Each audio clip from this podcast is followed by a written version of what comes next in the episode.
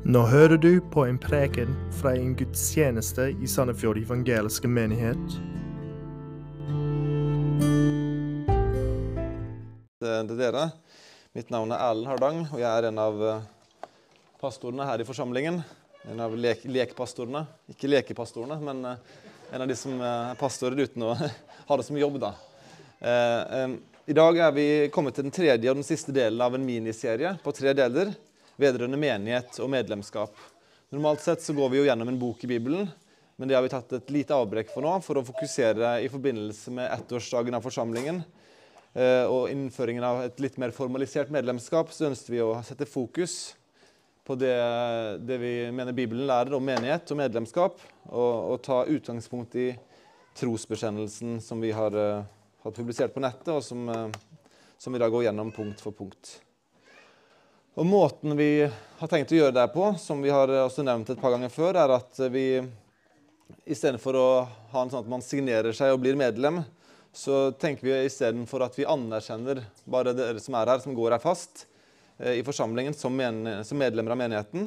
De fleste av dere kommer og er trofaste og regelmessige her eh, og tjener i menigheten på en eller annen måte. Eh, så dere opptrer allerede som medlemmer av en lokal menighet. Og det er det vi ønsker å, å anerkjenne i dag, og ha et litt mer altså, formalisert medlemskap. At alle som kommer her fast og har en personlig tro på Jesus som Herre og Frelser, da blir medlem av forsamlingen. Og Vi har ikke noe offentlig medlemsregister ennå. Vi er ikke registrert som et uh, trossamfunn ennå. Det kommer kanskje i framtiden. Uh, og hvis det blir aktuelt, så vil vi alle anledning til å velge om de ønsker å være registrert i trossamfunnet eller ikke. Det kommer seinere, uh, men det er ikke noe en tar stilling til i dag. Uh, det som skjer da, altså, i dag, er at vi litt mer formelt anser hverandre som medlemmer av en lokal menighet. Og det som er eh, ønsket vårt, er ikke bare å ha et medlemskap for å ha medlemskap, men det er å bevisstgjøre oss på det ansvaret vi har overfor Gud og for hverandre som medlemmer av en lokal menighet. Så det er på en måte formålet med medlemskapsprosessen. Det er egentlig å bevisstgjøre hver enkelt av oss på det ansvaret vi har overfor Gud og overfor hverandre i en lokal menighet. Og I dag skal jeg snakke om de to siste punktene fra trosbekjennelsen vår vedrørende medlemskap. Punkt 6, som handler om nådegavene, og punkt 7, som handler om enhet og adskillelse. Og Det er to punkt som egentlig kan være litt kontroversielle eh, og kanskje litt betente. Så eh, det er ikke den enkleste oppgaven jeg har foran meg, men jeg håper å poengtere de viktigste tingene. Eh, og så kan vi heller diskutere nyansene i mer detalj seinere. Men før vi begynner å se på det, så ber vi sammen. Kjære gode himmelske Far, vi takker deg for at du har sendt Jesus, som kjøpte menigheten med sitt blod, at vi får tilhøre en lokal menighet hvor vi ønsker å, å, tjene deg og elske deg og elske hverandre. Og vi ønsker å se nye mennesker frelst. Og Jeg ber om at du må velsigne dette møtet og denne menigheten videre. Jeg ber om at vi kan være til oppmuntring for andre troende i byen her og i området her. Og at vi også kan være med å bringe evangeliet klart og tydelig ut til de som trenger det. Og det er, det er veldig mange, kjære far. Og Jeg ber nå om at du må hjelpe oss når vi nå studerer det som du har sagt om nådegaver og om enhet og adskillelse i en lokal menighet. Hjelp oss til å forstå litt mer av det, og, og kanskje bli litt mer begeistra også for hvordan vi kan tjene og hva som er vårt ansvar innenfor de forskjellige områdene. Hjelp meg til å tale klart og tydelig og forståelig. Og vi ber om alt dette i Jesu navn. Amen. Som innledning da, så skal jeg lese de første setningene i trosbekjennelsens avsnitt om nådegavene. Og Der står det som følger Vi lærer at Den hellige ånds nådegave til utrustning, oppbygging og utvidelse av menigheten er aktive i dag, og at alle troende er utrustet med én eller flere nådegaver. Vi lærer at alle troende er kalt til å tjene menigheten, men den nådegave som hver enkelt har fått fra Gud. Og Vi lærer at nådegavene kan kategoriseres i nådegaver til å tjene og nådegaver til å tale. Dette er henta fra flere skriftsteder, men jeg vil først lese noen vers fra Efeserbrevet kapittel 4, vers 7. Og Der står det, først i vers 7, som vi skal se på Men til hver enkelt av oss ble nåden gitt etter det mål som Kristi gave tilmåles med. Merk dere først at det står 'til hver enkelt av oss'. Altså til hver enkelt troende blir det gitt en gave etter det mål som Kristi gave tilmåles med. Enhver har fått i hvert fall én gave, en unik gave, etter Guds vilje. Og Så står det videre i vers 11 og 12.: Han, altså Jesus, er det som gav noen til apostler, noen til profeter, noen til evangelister, noen til hyrder og lærere, for og her kommer på en måte formålet med at de gavene ble gitt.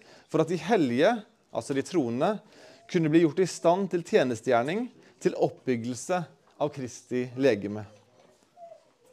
Videre står det i 1. Peters brev, kapittel 4, vers 10.: Ettersom enhver har fått en nådegave, så tjen hverandre med den som gode husholdere over Guds mangfoldige nåde. Og jeg bare understreker poenget her. Alle troende, alle kristne, uansett hvor du er i vandringen din, om du er helt ny, eller om du har vært kristen i, i, i, så lenge du kan huske, så har du fått i hvert fall én spesiell nådegave, en spesiell utrustning ved Den hellige ånd, som det er kalt til å tjene andre med i menigheten. Og Så sier Peter til oss i det vi leste i 1. Peter 4, han ber oss om å gjøre dette som gode husholdere du har fått noe verdifullt av Gud.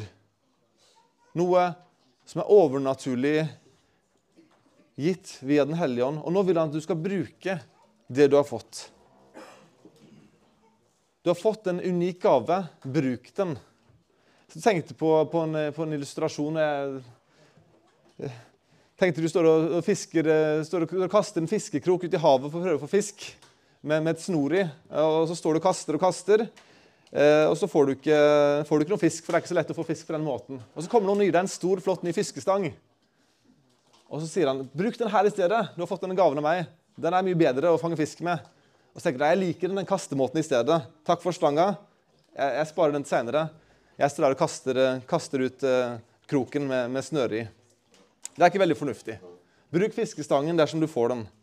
Uh, det var kanskje den beste illustrasjonen, da. når jeg kom på i farten. Gud har gitt alle en spesiell nådegave, en spesiell utrustning som du er kalt til å bruke på en spesiell måte i den lokale forsamlingen du er satt i. Alle har fått en nådegave. Alle er kalt til å bruke den. Og formålet med nådegaven er at de troende skal bli oppbygget i Kristi legeme. For at menigheten skal modnes og vokse i tro. Og Det betyr altså at menighetens modning, vår menighets modning, vår menighets vekst, er avhengig ikke av én person, men er avhengig av at alle menighetens medlemmer tjener med sine nådegaver. Og det her er veldig viktig at vi alle forstår og tar på alvor. En menighet som skal oppleve sann vekst, sann modning, altså mer enn at eh, vi bare blir flere i antall uten at det er noe åndelig vekst, men en, en sann og reell vekst i åndelig modning, er avhengig av alle menighetens medlemmer. Så uansett hvor talentfull og karismatisk, eh, og karismatisk en menighetsleder kan være, uansett hvor mange mennesker f.eks. en kjent eller populær forsyner kan trekke til én menighet, så er menighetens reelle vekst, åndelig vekst, avhengig av mange flere enn denne ene lederen. Pastorer er selvfølgelig viktige, men de kan ikke, og de skal ikke, være alene ansvarlige for menighetens modning og vekst. Det ansvaret ligger på alle sammen ved Den hellige ånds hjelp. Så tenk gjennom hva dette betyr for deg. Hvilke talenter og utrustninger har Gud gitt deg? Hvordan kan du tjene i menigheten med disse gavene? Og så er det veldig mange som er usikre på hva, hva er min nådegave? Hva er min spesielle utrustning? Og da er på en måte dere må bare kommunisere klart og tydelig. Veit du ikke, så spør noen om hjelp. Hør rundt hva de andre ser. Jeg har ved flere anledninger vært helt ny på en arbeidsplass. Og jeg har fått denne jobben, Disse jobbene jeg har fått, har jeg fått fordi jeg har vært kvalifisert. Jeg har hatt en utdanning, kanskje en erfaring eh, og noen kvaliteter som en arbeidsgiver trenger. Men det er på en måte ikke nok at noen er kvalifisert for å kunne tjene inn i en virksomhet. Personen må faktisk få en oppgave å gjøre blir delegert et ansvar, få noen problemstillinger han eller hun skal gjøre, og så vokse inn i rollen. Og Det har alltid vært min erfaring som nyansatt. I begynnelsen spurte jeg hele tida hva kan jeg hjelpe til med nå, har du en oppgave til meg. Og, Og så skjer det at over tid så vokser det inn i en rolle, og en forstår mer intuitivt hvordan en passer inn på en arbeidsplass, eh, i et miljø. En ser behovene en skal dekke kanskje mer intuitivt innenfor sitt ansvarsområde. Men i begynnelsen så må han ha hjelp, og han må spørre masse, og så må han måtte finne sin plass. Jeg tror også det er litt sånn i en menighet med nådegaver. Selv om det på en måte er, eh, er noe litt sånn eh, litt konkret med det. Det kommer fra Den hellige ånd. Det er vanskelig å, å, å, se det med en gang kanskje hos noen. Så er det noe som en kan se over tid. Den holder på en måte på plass i en, en menighet. Og så ser en ja, det er behov for meg også. Og Det er det som er det fine med nådegaver. Det er ikke bare plass til alle, det er behov for alle. Alle har en unik funksjon som menigheten trenger. Det er ingen overflødige nådegaver i Guds menighet. Sånn kan det være på en arbeidsplass. At en blir ansatt et sted, og så går det et par måneder, og du er fremdeles i prøvetiden. Og så skjønner arbeidsgiveren vet du hva, vi trenger egentlig ikke deg. Eh, og Det kan jo være de harde realitetene av livet. Kanskje noen av dere har opplevd det. Eh, og så må han finne seg en ny arbeidsgiver. Det skjer jo fra tid til annen. Og det er jo på en måte ikke noe galt med det i arbeidslivet. Men sånn er det ikke i Guds husholdning. Han gir deg en oppgave, han gir deg en utrustning og en nådegave, og det er behov for deg der du er. Det er plass til alle. Alle kan tjene og hjelpe til menighetens vekst. I Kristi menighet så er designet i henhold til hans plan. Og menigheten får da også på andre siden klare mangler når medlemmene ikke tjener som de burde eller kan. Da jeg var liten, så var jeg glad i å demontere det jeg fikk av elektroniske gaver. Jeg fikk en gang en radiostyrt bil som jeg likte veldig godt. Jeg kjørte masse med den. Den var blå. Jeg tror det var et merke som het Nico. Og det var stor glede hver gang jeg brukte denne bilen. Men en gang satt jeg på rommet mitt og så bestemte jeg meg for jeg skal demontere denne bilen for å se hvordan den er satt sammen. Og det klarte jeg godt. Jeg skrudde alle tingene fra hverandre. Fant alle skruhull, tok han fra hverandre bit for bit. Og til slutt lå den radiostyrte bilen foran meg i ganske mange deler. Det var ikke en veldig komplisert bil, så det var ikke tusenvis av deler, men kanskje det var et par titalls i hvert fall.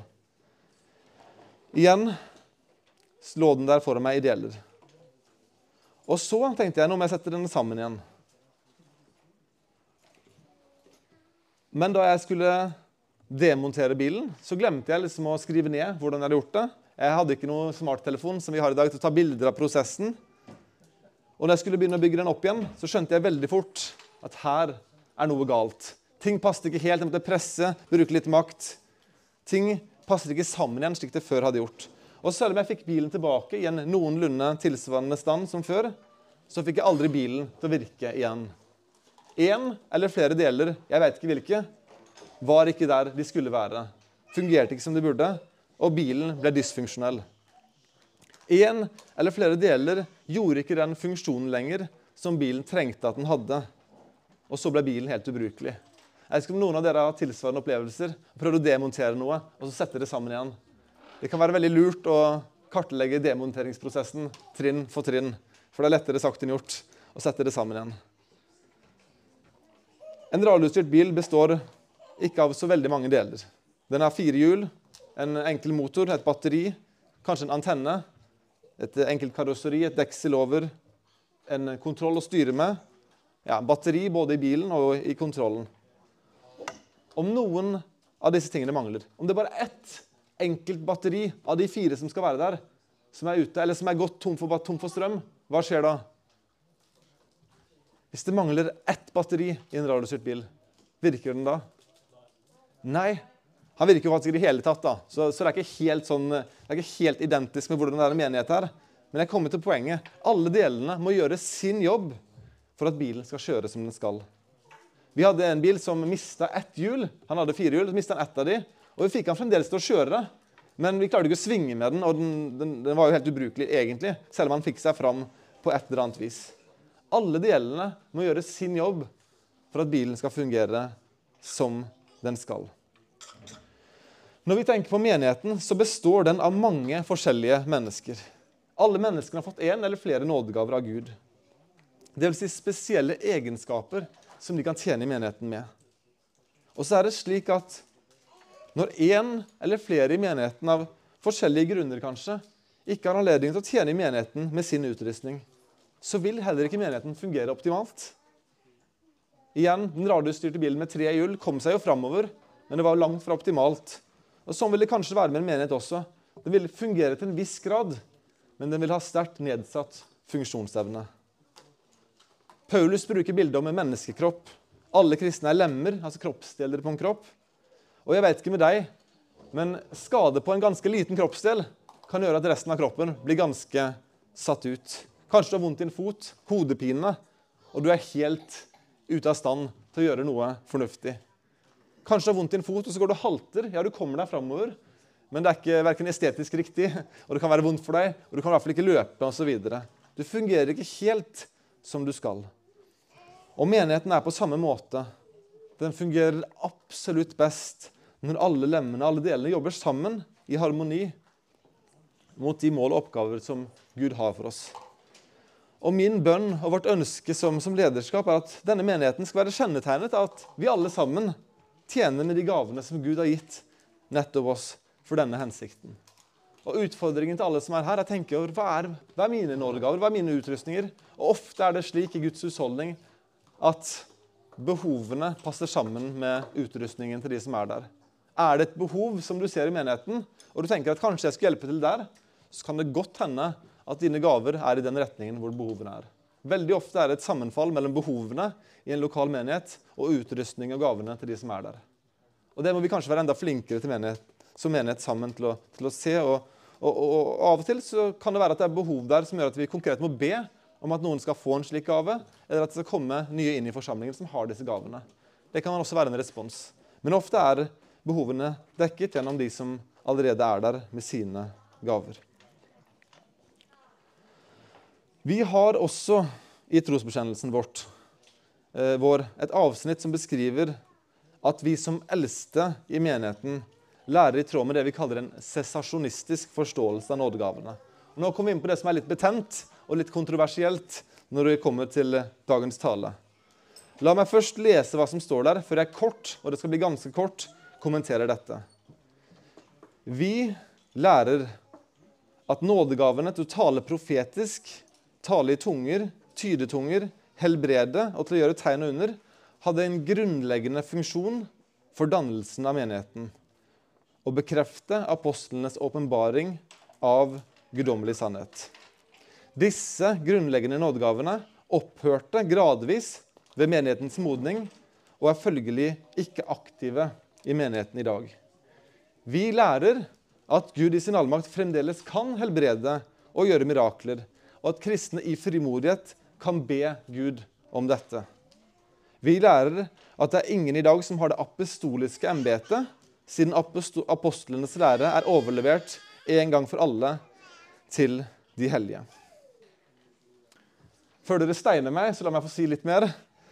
Dette er et tema som vi vet det er veldig forskjellige og delvis motstridende syn på i en forsamling, også i vår forsamling, og som rører veldig ved følelsesregisteret hos mange også, som kanskje har opplevelser i den ene eller andre retningen. Og Vi forventer ikke at alle i menigheten skal ha samme syn på dette, men samtidig så er realiteten at dette er et område hvor en lokal menighet ikke kan praktisere to forskjellige syn samtidig. Det ville blitt en praktisk umulighet. Vi kan ikke på en og samme tid søke og praktisere disse nådegavene samtidig som vi sier at de er opphørt. Det er på en måte en praktisk umulighet.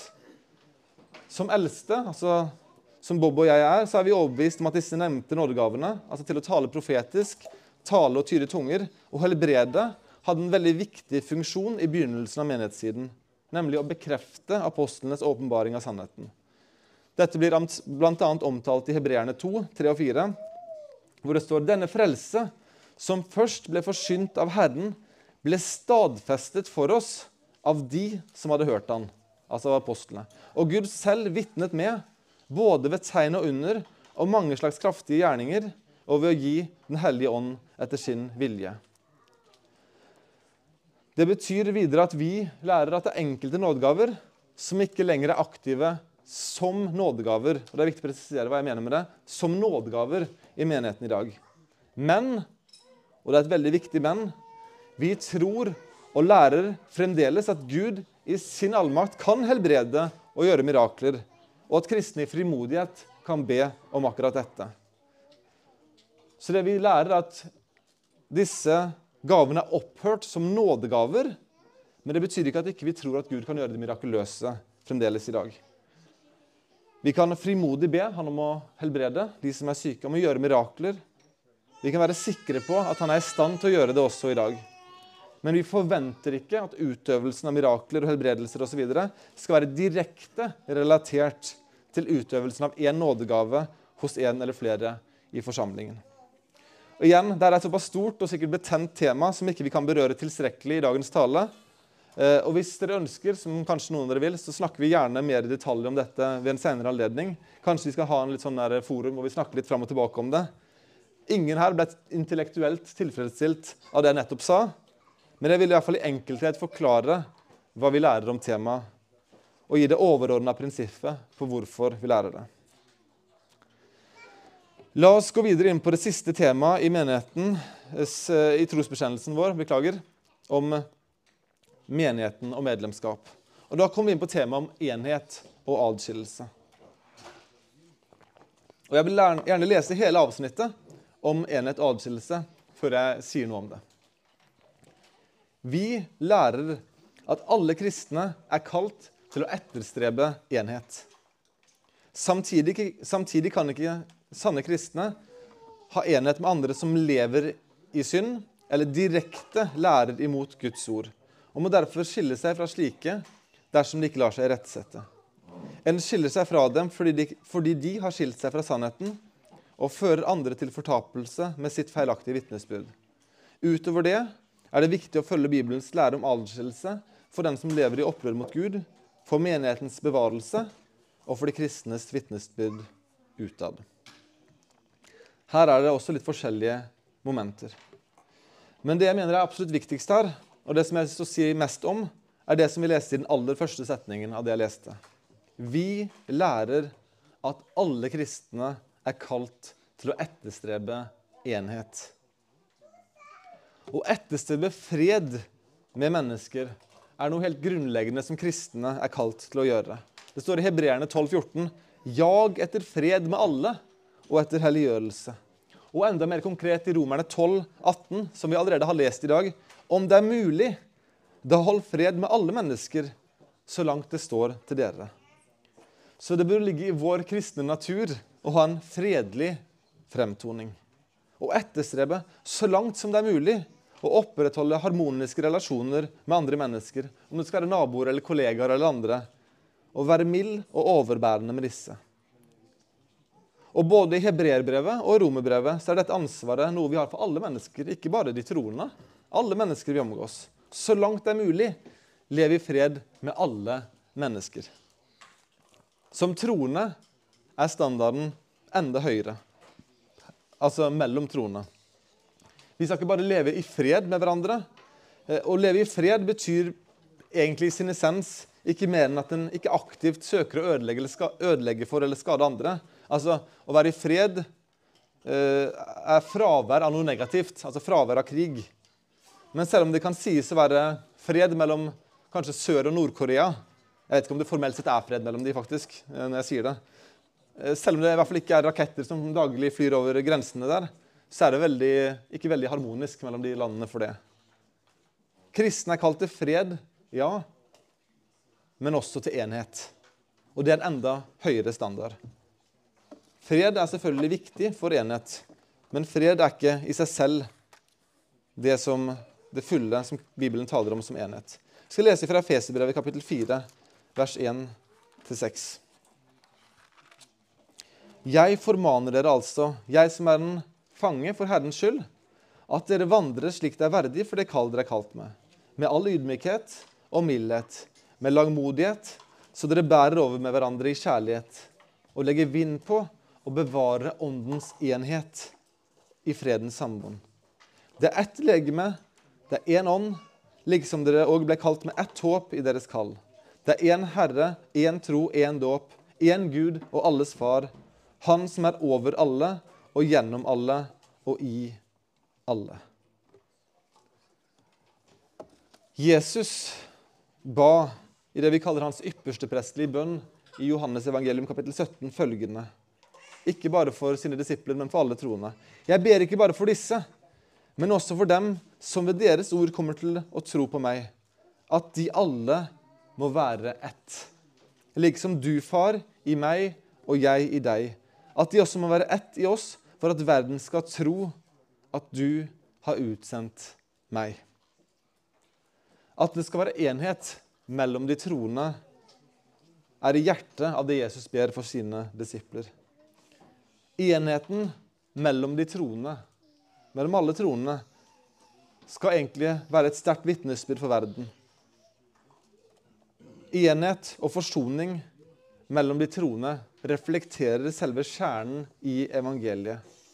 At Kristus ved sitt offer skapte forsoning mellom Gud og mennesker, og også mellom mennesker og mennesker. Jeg kan lese noen andre vers fra Efeserbrevet kapittel 2, vers 14, 15 og 16. Der står det følgende.: For han, altså Jesus, er vår fred. Han som gjorde de to til ett, altså jøde og greker, og brøt ned det gjerdet som skilte dem, fiendskapet, da han ved sitt skjød avskaffet den lov som kom med bud og forskrifter. Dette gjorde han for i seg selv å skape de to til et nytt menneske, og slik stifte fred. Og i ett legeme forliker dem begge med Gud ved korset, for der drepte han fiendskapet. Fiendskapet mellom jøde og greker om du vil, er tatt bort. Enda viktigere er fiendskapet mellom Gud og mennesker tatt bort. Vi er forlikt med Gud, vi som var adskilt han pga. vår synd. Ved Kristi død på korset, ved Kristi forsoning, så er vi forsont med Gud. Så er vi frelst. Å leve i forsoning med Gud burde påvirke den relasjonen vi også har med andre troende. Og så er realiteten da, for oss mennesker at det viser seg at det er vanskelig, og av og til særdeles vanskelig, å bevare freden. Det vitner jo verden oss om hver eneste dag, også i nyhetene. Og Det er også realiteten blant oss kristne. Blant de troende så er det vanskelig å bevare enhet. Kristne kommer i alle fasonger og varianter. Alle mulige typer personligheter, forskjellige bakgrunner, forskjellige følelsesregister. Kristne har forskjellige uvaner, forskjellige ting en kan irritere seg over. Holdninger som kan gjøre en usikker eller uredd. Og vi kristne er ofte ganske originale også. Jeg vet ikke om på det. Vi har ofte mange rare ting for oss. Og Det spesielle med Guds menighet er akkurat det at den består av masse forskjellige typer personligheter, følelsesregister, menn og kvinner i forskjellige aldersgrupper. Og mange av dem ville kanskje aldri ha vært venner hadde det ikke vært for at den delte en felles tro, at den var del av den samme åndelige familie. Vi har den samme åndelige far. Gud. Vi er søsken i troen. Og Når man er familie, så kan den være så rar den bare vil, men da er den faktisk familie. Det skaper jo selvfølgelig en del interessante og tidvis utfordrende situasjoner i en menighet. At sammensetningen av en lokal menighet kan være ganske divers. Selv om vi er familie, kan det være vanskelig å leve sammen. Og Det vet dere godt, og det kjenner dere sikkert til, også i vår, i vår lille menighet. Men Kristi bønn gjelder for oss likevel. Som troende er vi kalt å bære over med hverandre i kjærlighet, legge vind på å bevare troens enhet, fredens sambånd. Realiteten er at vi er en del av samme legeme. Vi har del i Kristi ånd. Vi tilhører samme frelser. Vi er kjøpt av Kristi blod. Vi har samme Gud og åndelig far. Vi er ett. Så oppfordringen til oss er å være ett, også med alle troende, men også spesielt demonstrere det i vår lokale menighet. Sandefjord evangeliske menighet har, har, vært formelt sett en menighet i ett år nå. Jeg håper menigheten består i mange mange år framover. Men for at den skal kunne gjøre det, må enheten bevares. Uten enhet er det ingen fungerende menighet. Enhet kommer selvsagt dypest sett fra at vi alle tilhører samme åndelige familie. At vi er født på ny ved Den hellige ånd, adoptert inn av Gud vår far. Det er den åndelige realiteten. Men den praktiske realiteten er at vi må ta valg hver dag om å både akseptere og omfavne at du har nå fått en stor familie med masse rare folk som både trenger at du elsker dem, ber for dem, oppmuntrer dem og støtter dem. Og For at du skal kunne gjøre det, så trenger du å bli litt kjent med dem. Bruke tid med dem, lære om deres gleder, sorger og behov. Se hvor de behøver rettledning, se hvor de behøver oppmuntring og trøst. Vi må være involvert i hverandres liv. Og det er jo utfordringen for oss alle. At vi tør å åpne opp, vise litt mer om hva vi har å stri med på innsida. At vi i større grad tør å være transparente med livene våre. At vi tør å leve sammen som en familie. Kanskje i større grad enn vi nordmenn, eh, og sikkert andre nasjonaliteter også, av naturen liker å gjøre. Vi lærer at alle kristne er kalt til å etterstrebe enhet. Og Jeg håper virkelig at vi kan fortsette å etterstrebe enhet med hverandre, men også overfor andre troende i området og i byen her og, og i fylket vårt osv. Så, videre. så er realiteten, da kommer vi til det litt vanskelige igjen, at i noen tilfeller så må en likevel signalisere at det ikke lenger finnes en åndelig enhet mellom oss. Dette kan skje ved at såkalte kristne begynner å forsyne det vi kaller et falskt evangelium. Når noen forsyner et budskap som leder menn og kvinner vekk fra evangeliet om Jesus, til et budskap som fører til fortapelse, så er vi kristne ikke bare kalt til å signalisere at vi ikke er ett, men vi er også kalt til å konfrontere det eller gjendrive det med ord som er tallet sant. Dette gjorde Jesus også. Jesus var synderes og tolleres venn. Han var vennlig og kjærlig mot dem som ingen andre turte å komme nær.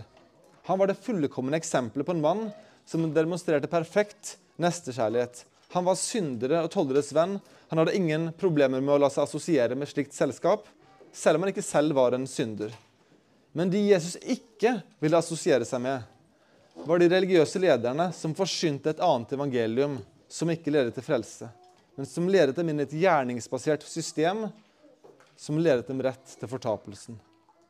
Og Jesus er veldig tydelig på å demonstrere adskillelse fra slike. Han sa det privat til sine disipler, og han sa det offentlig, direkte til dem, i andres påhør.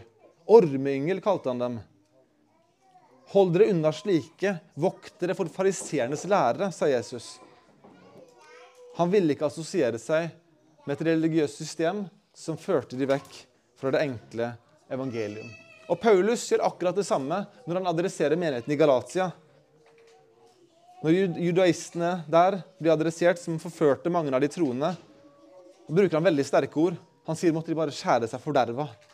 Han sier om noen forsyner dere et annet evangelium enn det som dere har mottatt, han være forbannet. Det er veldig sterke ord.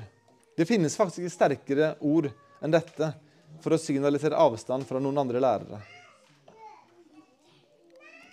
Og det er pga. det veldige arvåret disse vranglærerne fører med seg, at både Jesus og Paulus brukte så sterke ord.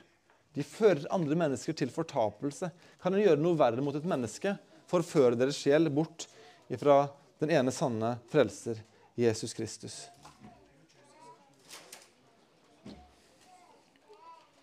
Og en må adskille seg dermed fra, fra disse. Og Det må vi som menighet også praktisere.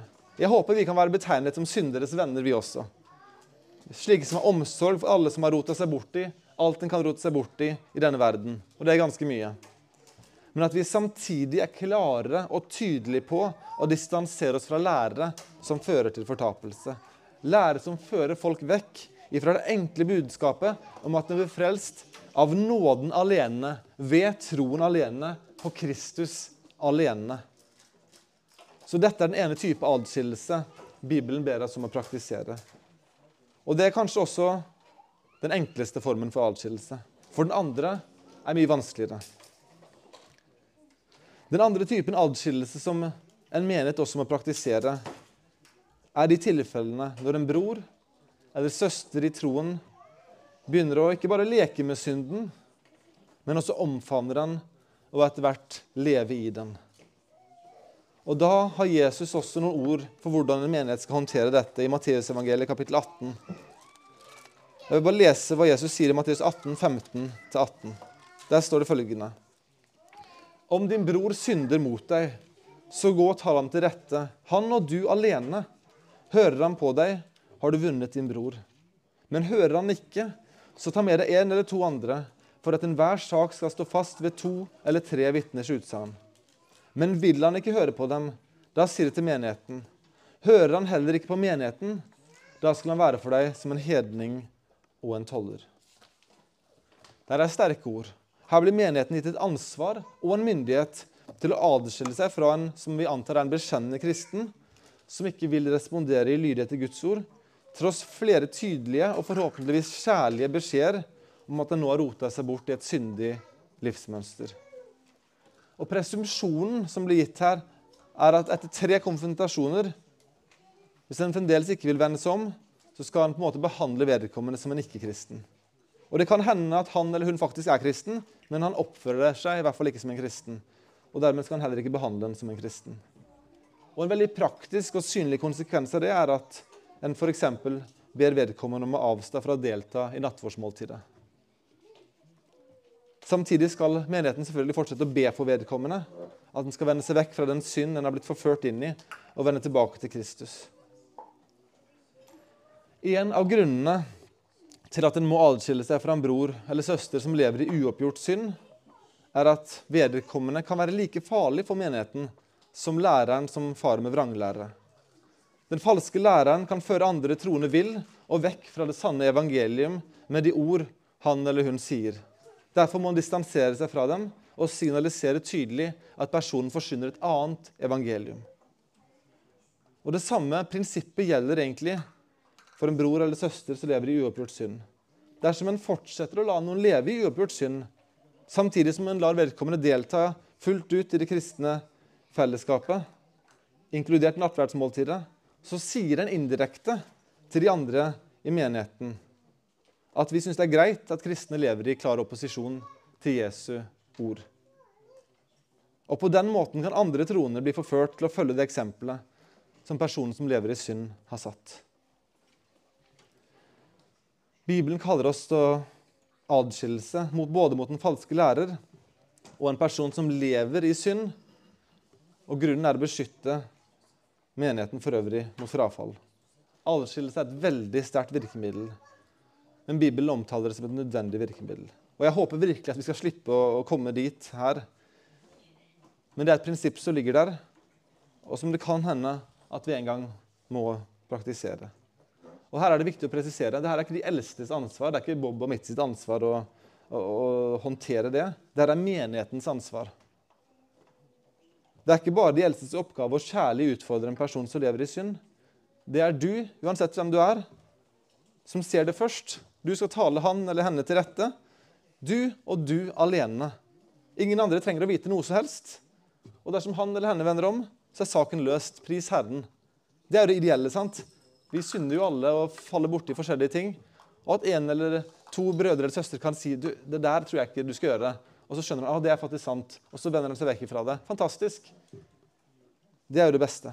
Og Så sier Bibelen videre at kanskje du må ta med deg en annen kanskje en litt ob mer objektiv tredjepart eller, eller noen andre. Og, og, kanskje dere sammen må, må, adressere denne synden som dere ser. Og kanskje det da responderes positivt. Fantastisk. Ingen andre trenger å vite noe som helst. Ingenting er bedre at sånne ting blir løst mellom de det gjelder, uten at alle andre må høre om det. Dette er den enkelte i menigheten sitt ansvar. Og, og, jeg eller Bob trenger ikke høre om det engang. Altså sånn, det, det, står du og du alene håndterer det. Holdt jeg på å si privat. Og Jeg håper egentlig at de eneste Matteus 18-stegene vi skal ta i vår menighet, vil være disse første. At vi går og taler hverandre til rette hvis det skjer ting. Eller at det går kanskje to og tre og taler den til rette. At det løser seg på den måten. Men det kan hende at vi kommer dit at vi som menighet samlet må agere og tale en person til rette. Og når en ikke fram da, så kaller Bibelen oss til adskillelse fra deltakelse i det åndelige fellesskapet. Veldig dramatisk, men et nødvendig virkemiddel som Jesus gir til menigheten i alvorlige situasjoner som forblir uløst og uten forsoning. Måtte Herren se i nåde til oss, så vi ikke trenger å oppleve det.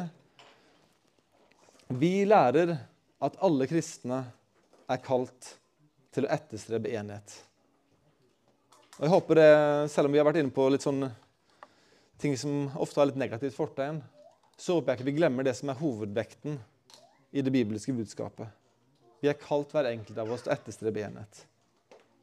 Kan vi ikke som menighet være enige i at vi legger inn trykket der vi skal legge inn trykket? Jobbe for enhet, elske hverandre, tjene hverandre.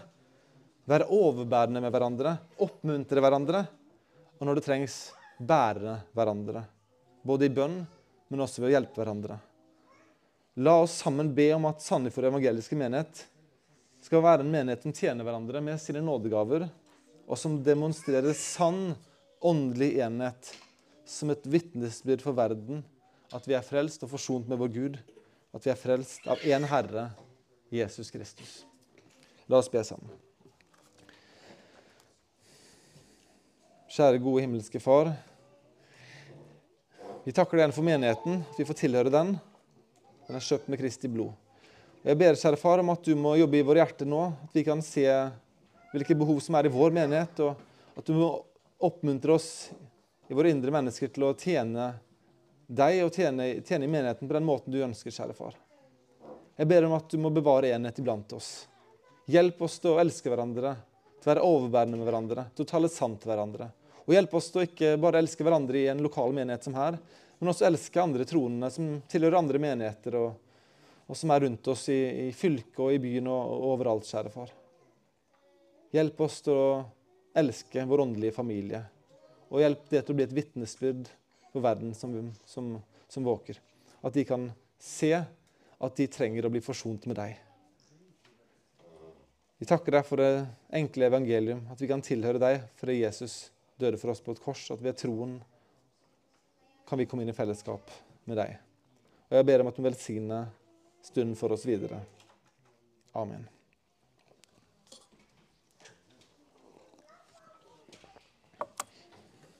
Vi er eh, nærmer oss uh... Takk for at du hørte på denne prekenen.